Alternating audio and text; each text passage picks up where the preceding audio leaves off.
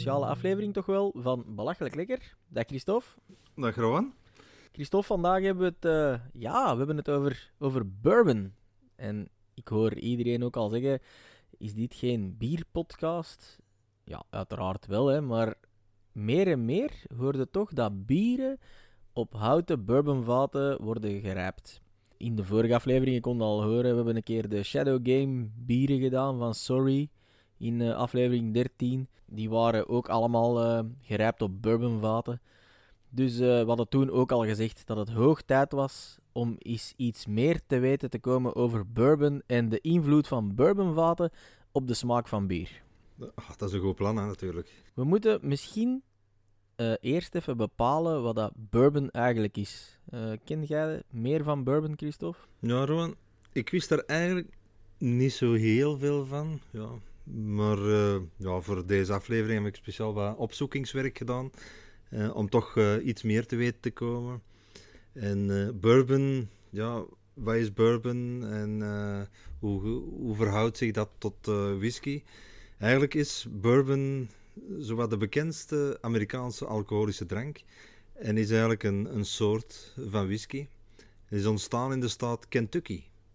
Kentucky wat meer naar de oostkant, onder de grote meren. Redelijk eh, centraal als je het noord-zuid bekijkt. Eh, het is eigenlijk dus een drank die wordt gemaakt door destillatie uit, eh, uit granen.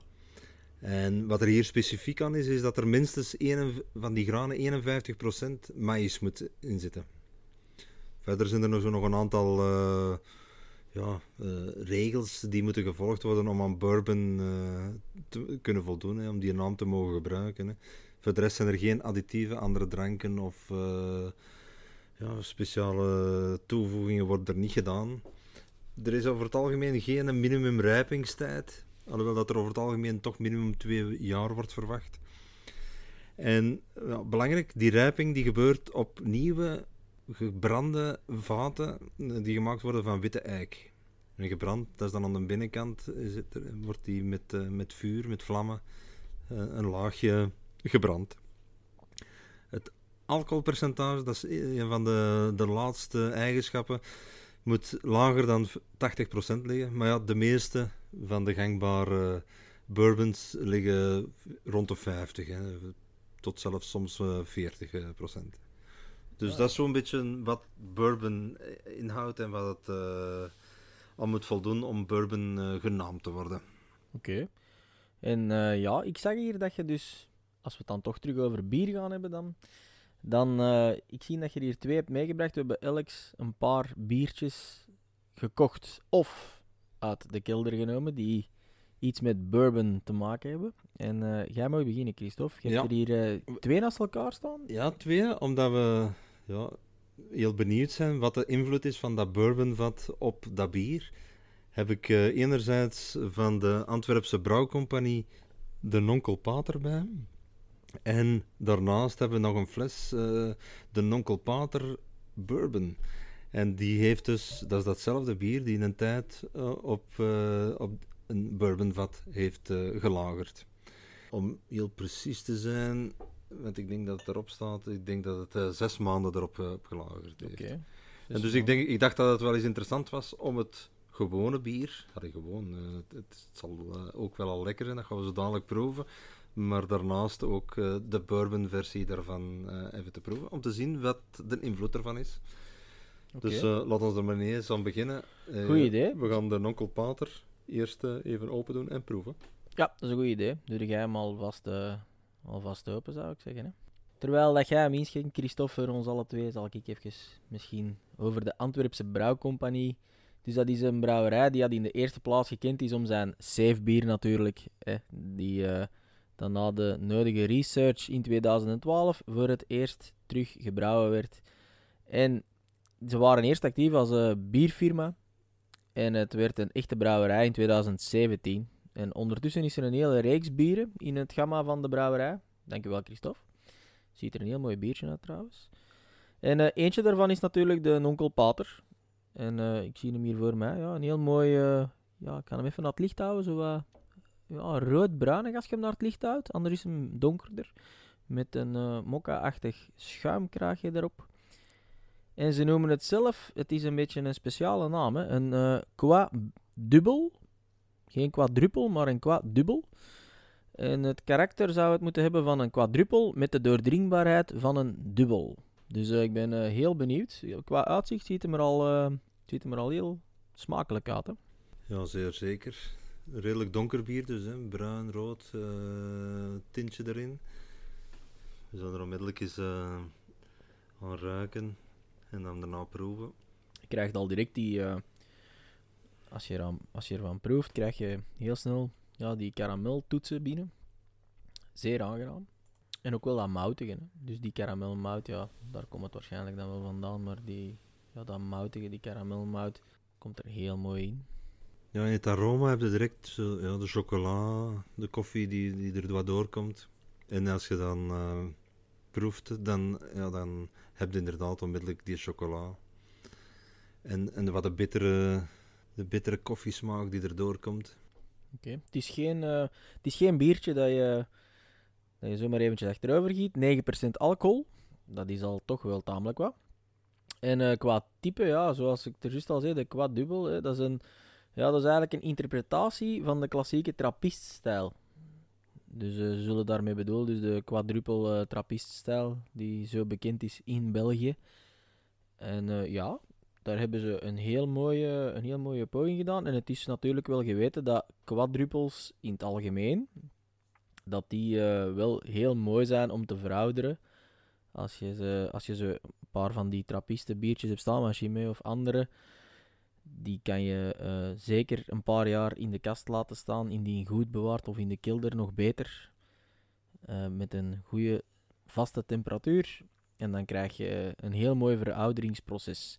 Dus ik verwacht mij al aan iets heel moois als je daar dan eh, zo'n bier op een, ja, op een bourbonvat gaat. Ja, ik stel voor dat je nog niet volledig je, je glas leeg drinkt. Ik ga je een tweede glas meteen uitschenken met de bourbon versie van de Nonkel Pater. En dan kunnen we ze naast elkaar eh, ook even proeven. Hè. Heel goed even Doen. Doe maar open.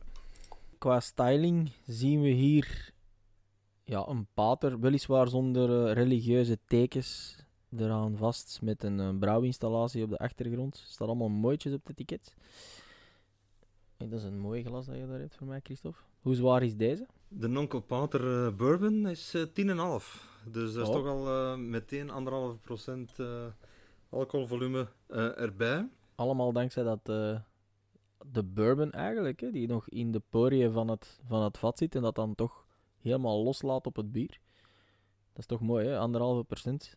Gewoon door het even op een vat te gooien. Absoluut. Laten we eens zien. Qua styling, even naar de kleur kijken.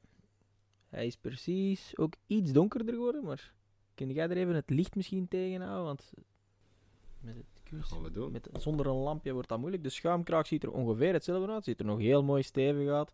Mooi zo wat mokka-achtig ook. Dus perfect mooi stevige schuimkraag. Zo op het eerste zicht is die een tikkeltje donkerder en iets troebeler geworden eh, dan de Nonkel Pater, de gewone versie.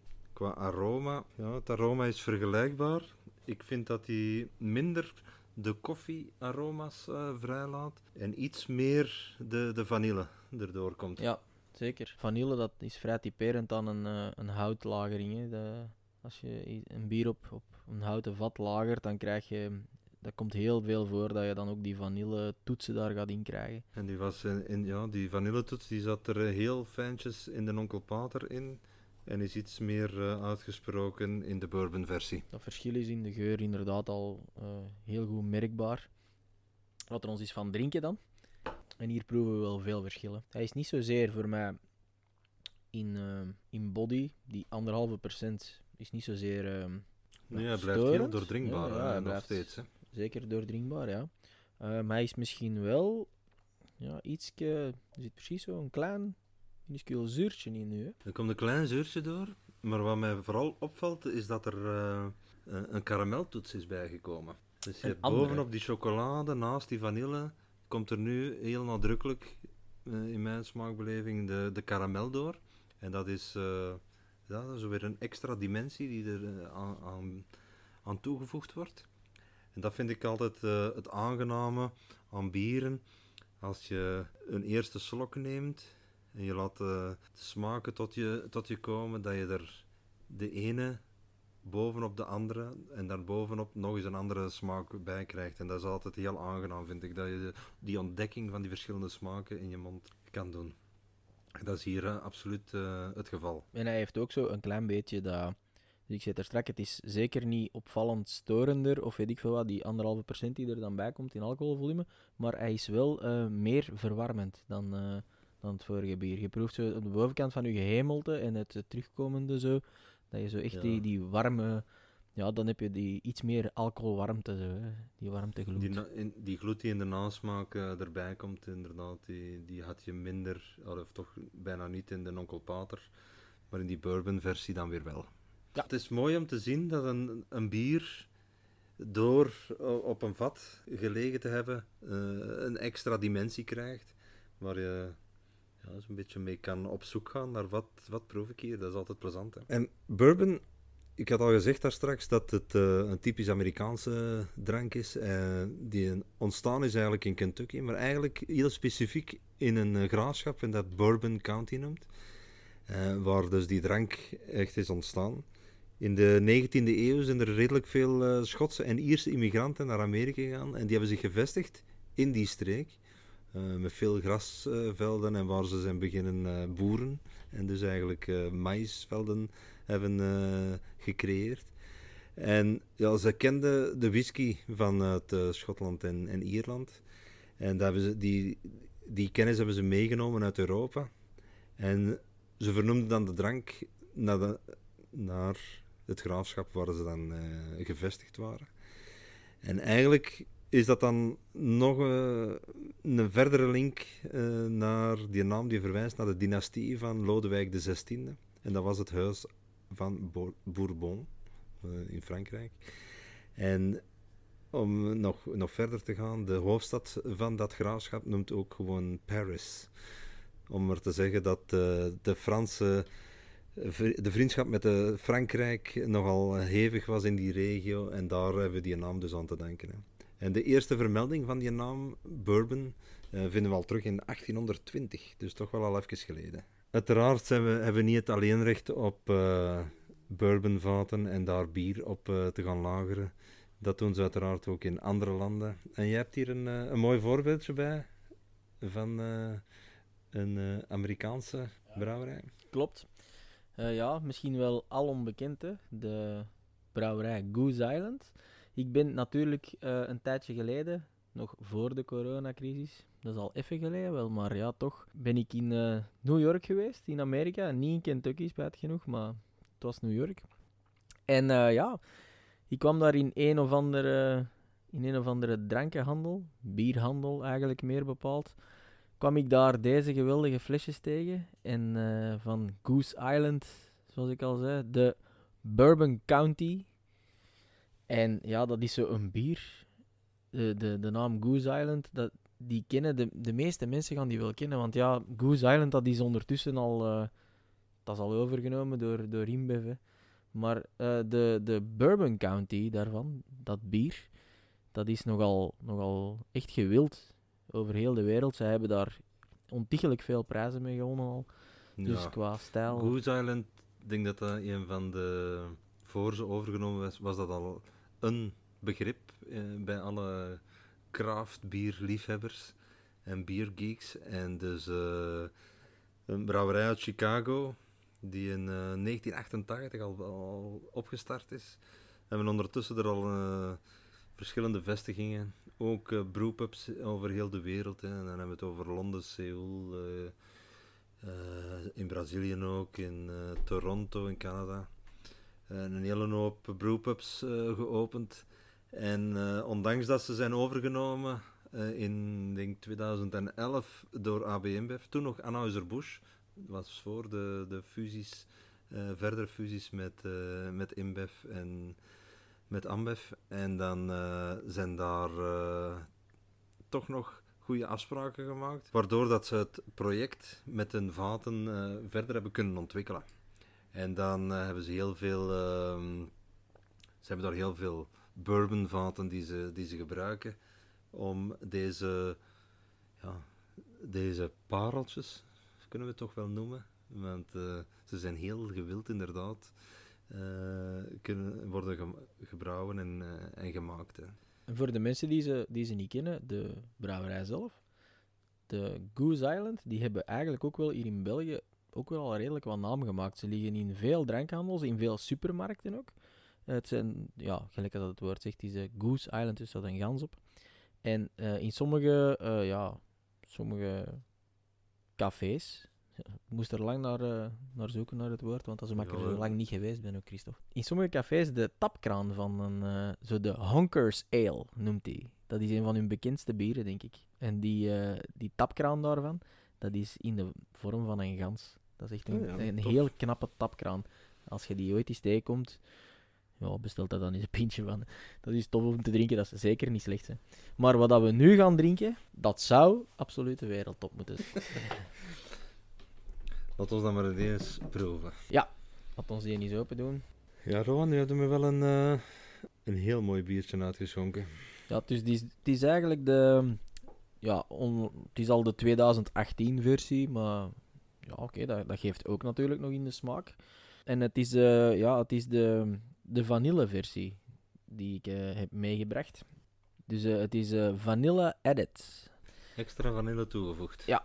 En, goh ja... dit komt in de geur toch wel al heel, heel, heel zwaar naar boven. Hè. Als je Ja. hier je neus insteekt... Oh la la. Ja, het is eigenlijk een bom aan aroma's die, die naar je toe wordt gesmeten. Als je je neus in het glas steekt, krijg je de, het ene aroma, die ene geur na het andere die naar je, naar je toe komt. Dus dat is al eh, heel veelbelovend. Eh, uiteraard chocolade, koffie en de vanille, die heel nadrukkelijk eh, in, in het aroma zitten. Hoho. Laat ons eens proeven. Mhm. Heerlijke volle smaak. Dit is, ehm, ja, dit is echt heel vol.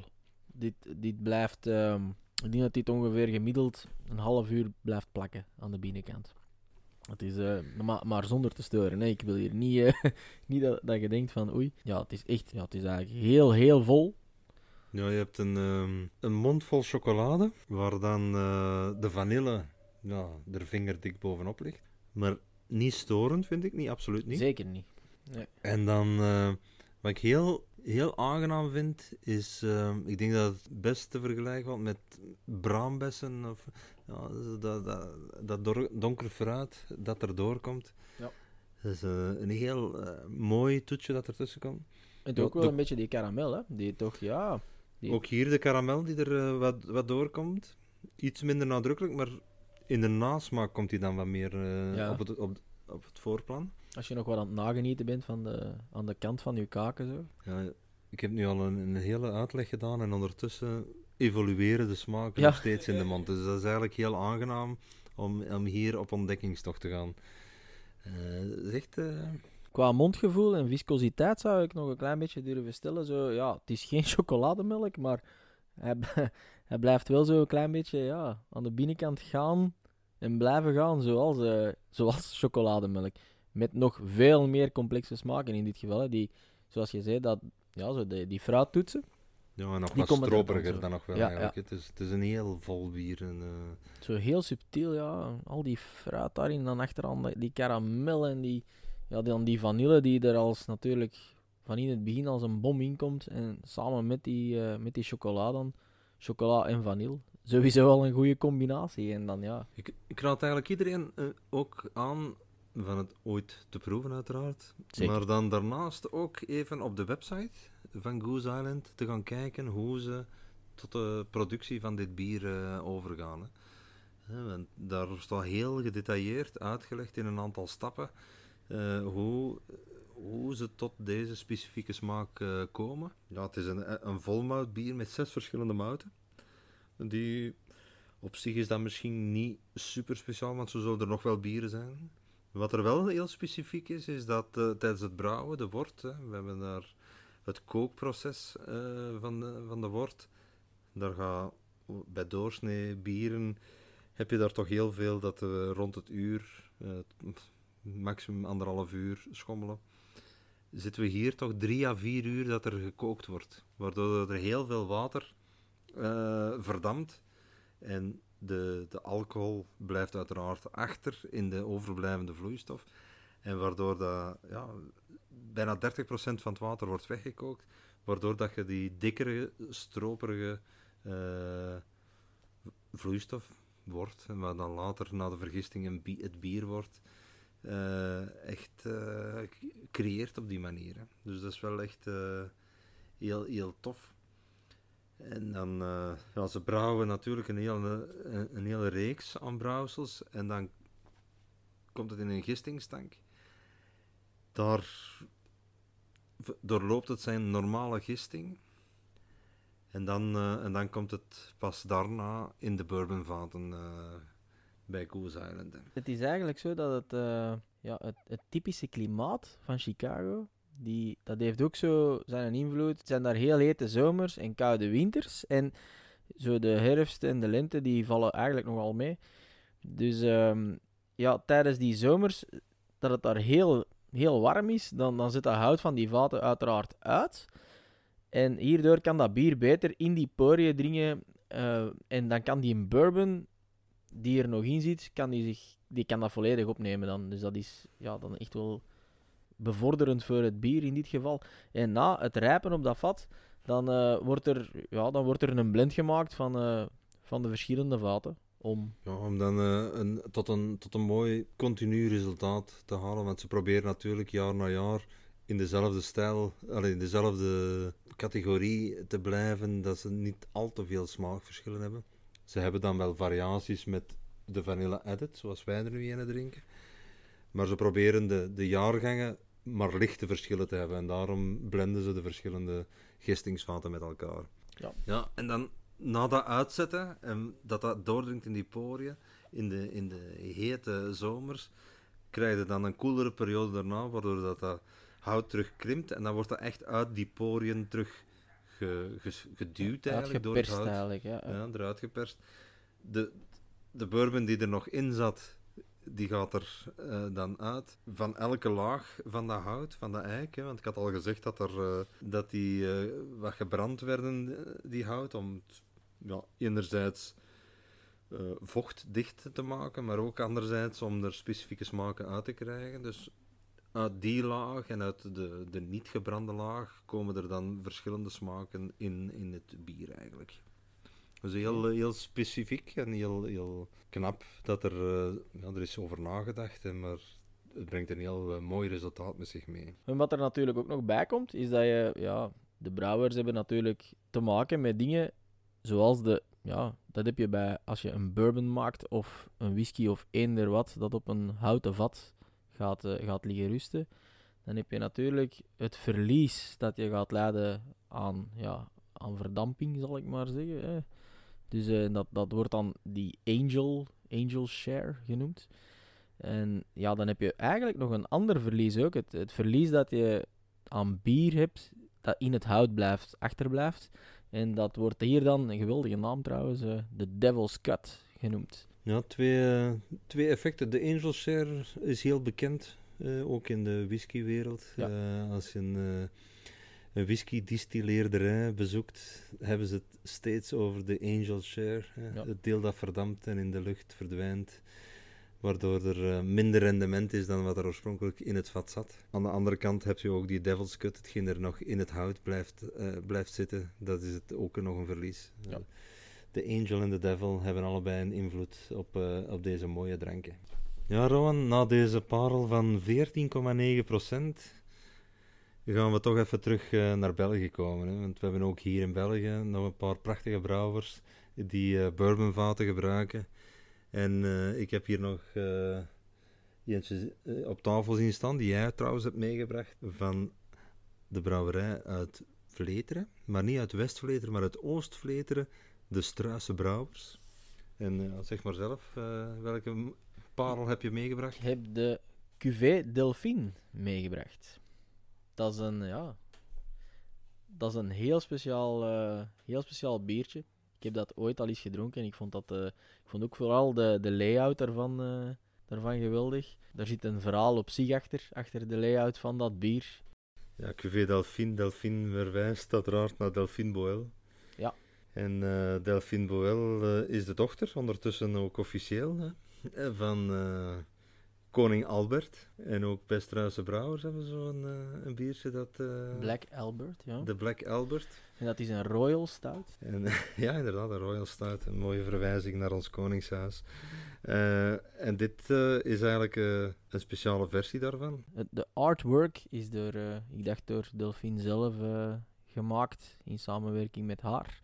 Only the truth can set you free stond erop. Dus eigenlijk is de Cuvée Delphine een eh, Black Albert die 12 maanden op een bourbonvat heeft gelegen. Ja, dat klopt. Dus het is de, de vintage editie 2013, de Russian Imperial Stout. Zoals dat al zei, en, eh, hij ontleent zijn naam aan Delphine Boel. Eh, ze staat trouwens ook vernoemd mee op het, op het flesje, hè, met de website en al erbij. En dat was toen dan de onwettige dochter van onze voormalige Belgische koning Albert II.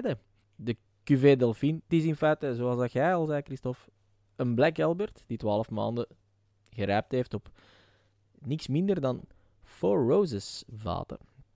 De Bourbon Four Roses vaten.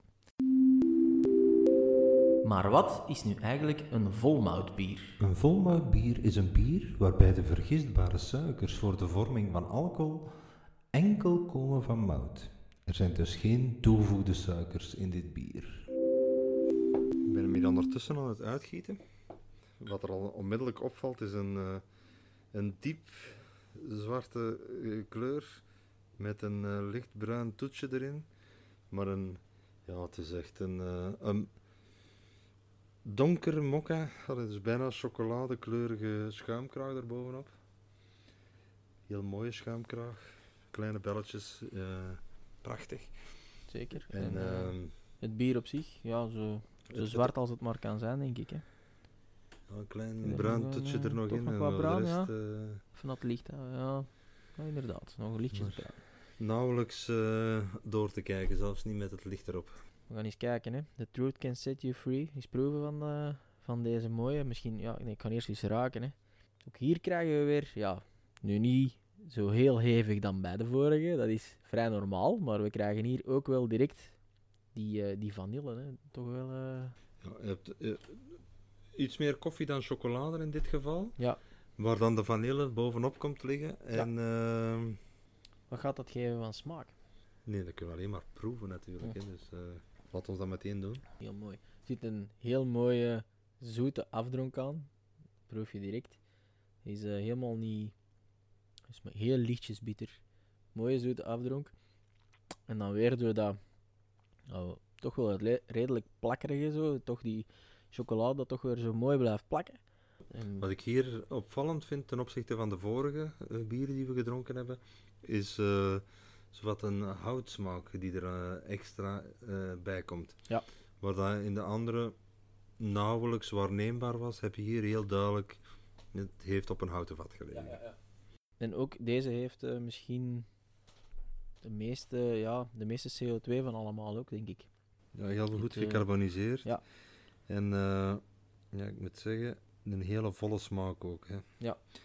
Het ook En- weten dat dit de vintage 2013 al is. Dat is een, een bier van 2013. is toch heel mooi, eh, heel mooi bewaard gebleven na al die jaren.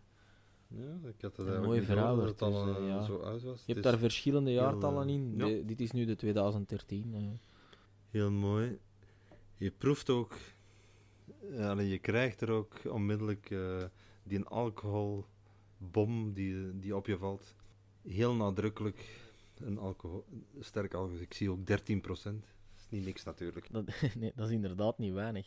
Nu, nu ben ik eigenlijk wel, eh, ja, wel een klein beetje benieuwd hoe dat die, hoe dat die bourbon daar gaat naast smaken. Want ja, kijk, dit bier, hè, dus de Cuvée Delphine, die gebruiken dus de bourbonvaten van Four Roses. En ja, Laat het nu toeval zijn, maar nee, het is geen toeval uiteraard. wow, eh, We hebben hier ja. een flesje Four Roses Bourbon op onze tafel staan.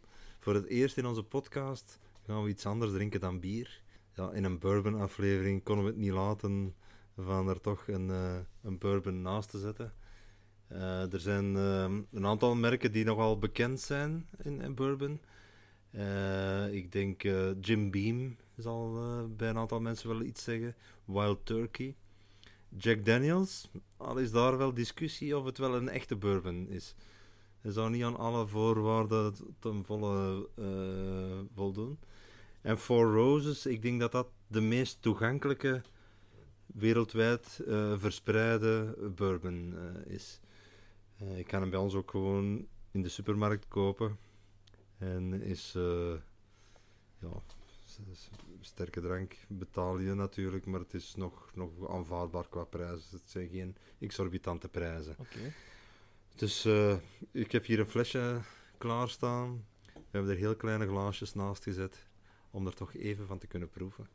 En uh, te zien wat dat uh, geeft. En of dat we daar in, dat, in die cuvée Delphine, we hebben nog niet, nog niet leeg gedronken, daar bepaalde toetsen van kunnen herkennen. Wat ook nog zo is, is natuurlijk dat bij, ook bij bourbons heb je verschillende leeftijden in bourbon. Dus uh, daar zit ook nog eens een smaakevolutie in. Een beetje zoals bij whisky, denk ik dan. Hè. Whisky heb je ook in verschillende leeftijden. Dus uh, bij bourbons zijn die smaken die daar waar te nemen zijn in de bourbon, afhankelijk natuurlijk van de duurtijd dat die bourbon op een vat gelegen heeft.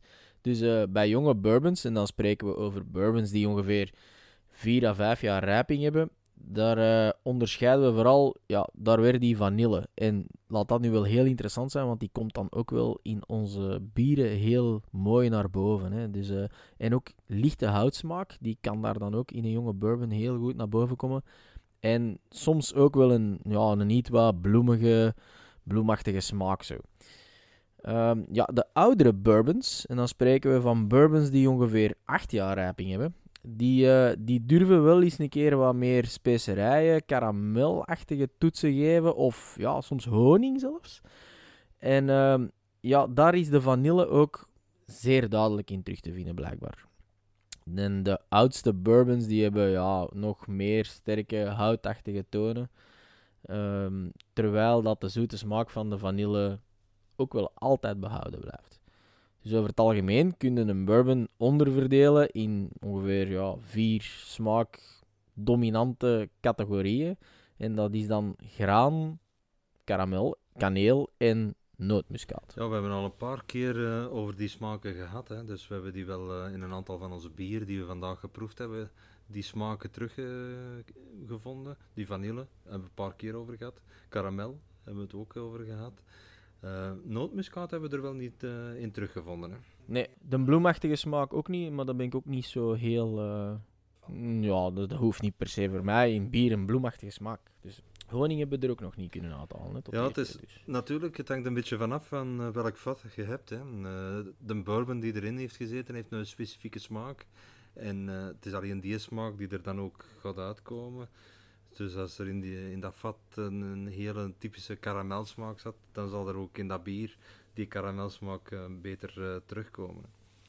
Het is ook zo dat ja, bourbon is heel specifiek. De, er worden toch wel heel veel, bij heel veel brouwerijen vaten, bourbonvaten gebruikt. het is niet niks natuurlijk. Jaarlijks wordt er zo ongeveer 170 miljoen liter bourbon gebrouwen. Allee, geproduceerd, gedistilleerd eigenlijk. Uh, het merendeel echt uit die staat Kentucky. Uh, maar het is zo dat ja, een, een bourbonvat ook maar eenmalig wordt gebruikt om bourbon te produceren. Elke nieuwe batch wordt in een nieuw vat uh, geproduceerd. Dus die gaan onmiddellijk door naar whiskybrouwerij, uh, of waar rum wordt gemaakt. En ook heel veel uh, bierbrouwerijen uiteraard. Hè. Wat er ons eerst al eens aan raken misschien. Want uh, dat is toch ook al heel interessant. Als je eraan raakt, dan vind ik wel dat je zo direct al bepaalde gelijkenissen er kan. Ook hier weer die vanille. Ja, oké, okay, je krijgt hier iets meer alcohol. dat uh, in de geur al. ja, je hebt inderdaad heel duidelijk ja, de alcohol die, die je ruikt. En dan die vanille die er bovenop komt. Mm -hmm. En laat ons hier nu eens van proeven. En uh, dit is voor mij toch wel um, altijd ik zeg het, ik heb een, eh, dat is toch ook al een paar jaar geleden, is een whisky taste gedaan en ik heb daar een avond aan het afzien geweest, omdat ik, ik ben dat niet meer gewend. De meeste whiskies toen waren ook zo rond 40%. Ja, kijk, ehm, als je dat niet meer gewend bent, Ja, het is natuurlijk zo dat die, eh, dat aroma wordt in een bourbon door de alcohol heel hard overheerst ook natuurlijk. Hè. Eh, ik moet zeggen, ik heb heel veel respect voor eh, mensen die een whisky tasten en daar de finesses van de aroma's kunnen uithalen en van de smaak kunnen uithalen. Ik vind het heel moeilijk, omdat die alcohol, uh, ja, hier is het 40%, maar in sommige 50 of nog meer procent uh, van alcohol, ja, dan wordt het toch wel moeilijk om daar die finesses uit te halen. Daar moet je op getraind zijn. Wij zijn wat meer getraind op uh, dat herkennen in bieren. Uh, het is voor ons niet zo evident om dat in die whisky of in dit geval bourbon te kunnen onderscheiden. Ja, ze hebben er ook allerlei trucjes voor. Hè. Dus ze gaan daar soms wel zo zelfs een paar druppeltjes water aan toevoegen en zo. Hè, voor dat ja, dan komen de aroma's natuurlijk meer tot, tot uiting. Ondertussen heb ik hier ook de achterkant van de fles nog even bekeken. En daar staat eigenlijk de legende van de Four Roses nog op. Dat is eigenlijk wel, wel tof. Nee, Paul Jones Jr., dat is eigenlijk de stichter van Four Roses Bourbon. Die was verliefd op een uh, mooie Zuiderse dame. En uh, hij, hij, heeft daar uh, een proposal gedaan. En ze heeft ja geantwoord. Maar ze zou op het grote bal een, op, op haar kleed een, een corsage van rozen dragen. En toen ze die avond of die nacht op het bal aankwam in haar prachtige avondkleed, had ze inderdaad een corsage met vier rode rozen op. En hij was zo verliefd op haar dat uh, daarna ook zijn bourbon Four Roses beginnen noemen als symbool voor de passie voor zijn mooie Zuiderse dame. Dat is eigenlijk een mooi verhaal. Ik heb er ondertussen van gedronken. Ik moet zeggen, het was wel, ik vind het heel lekker. Ik heb er ook, vanaf dat het binnen was, heb ik er eigenlijk nog eens een keer van de Cuvée Delphine gedronken. En um, ja, dat is eigenlijk een match made in heaven als je dat zo doet. Je moet dat maar eens proberen.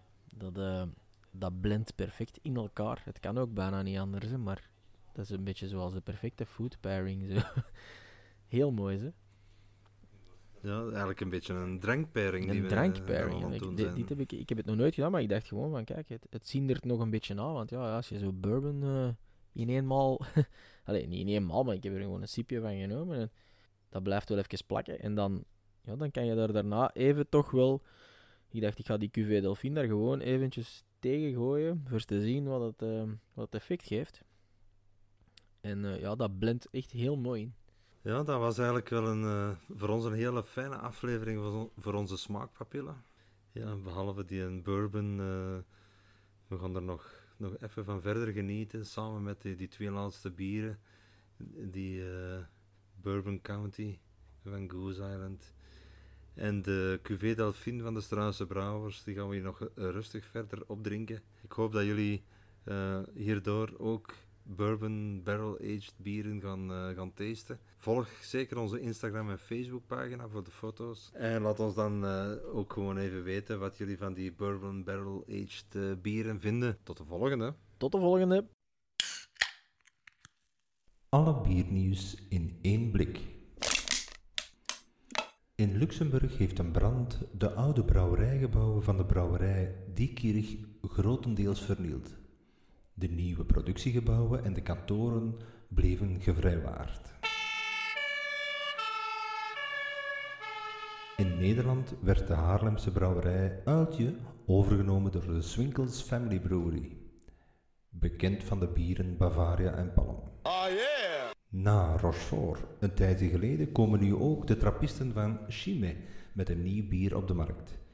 De Chimay 150 of groene Chimay zal een sterk blond bier van 10 alcoholvolumeprocent zijn. Voor het eerst in 60 jaar is er weer een actieve brouwerij in Schaarbeek. De Brasserie de la Mule lanceerde onlangs zijn eerste bier. Het is een Hefeweize met 5,4 volumeprocent.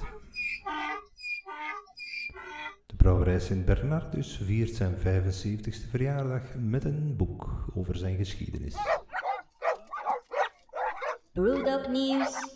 in het Engelse Plymouth kan je bij het Brewdog een Happy Meal bestellen, naar analogie van de Happy Meal van McDonald's. En dit zowel voor kinderen als voor volwassenen. In de volwassen versie zit als dessertje een bierijslolie.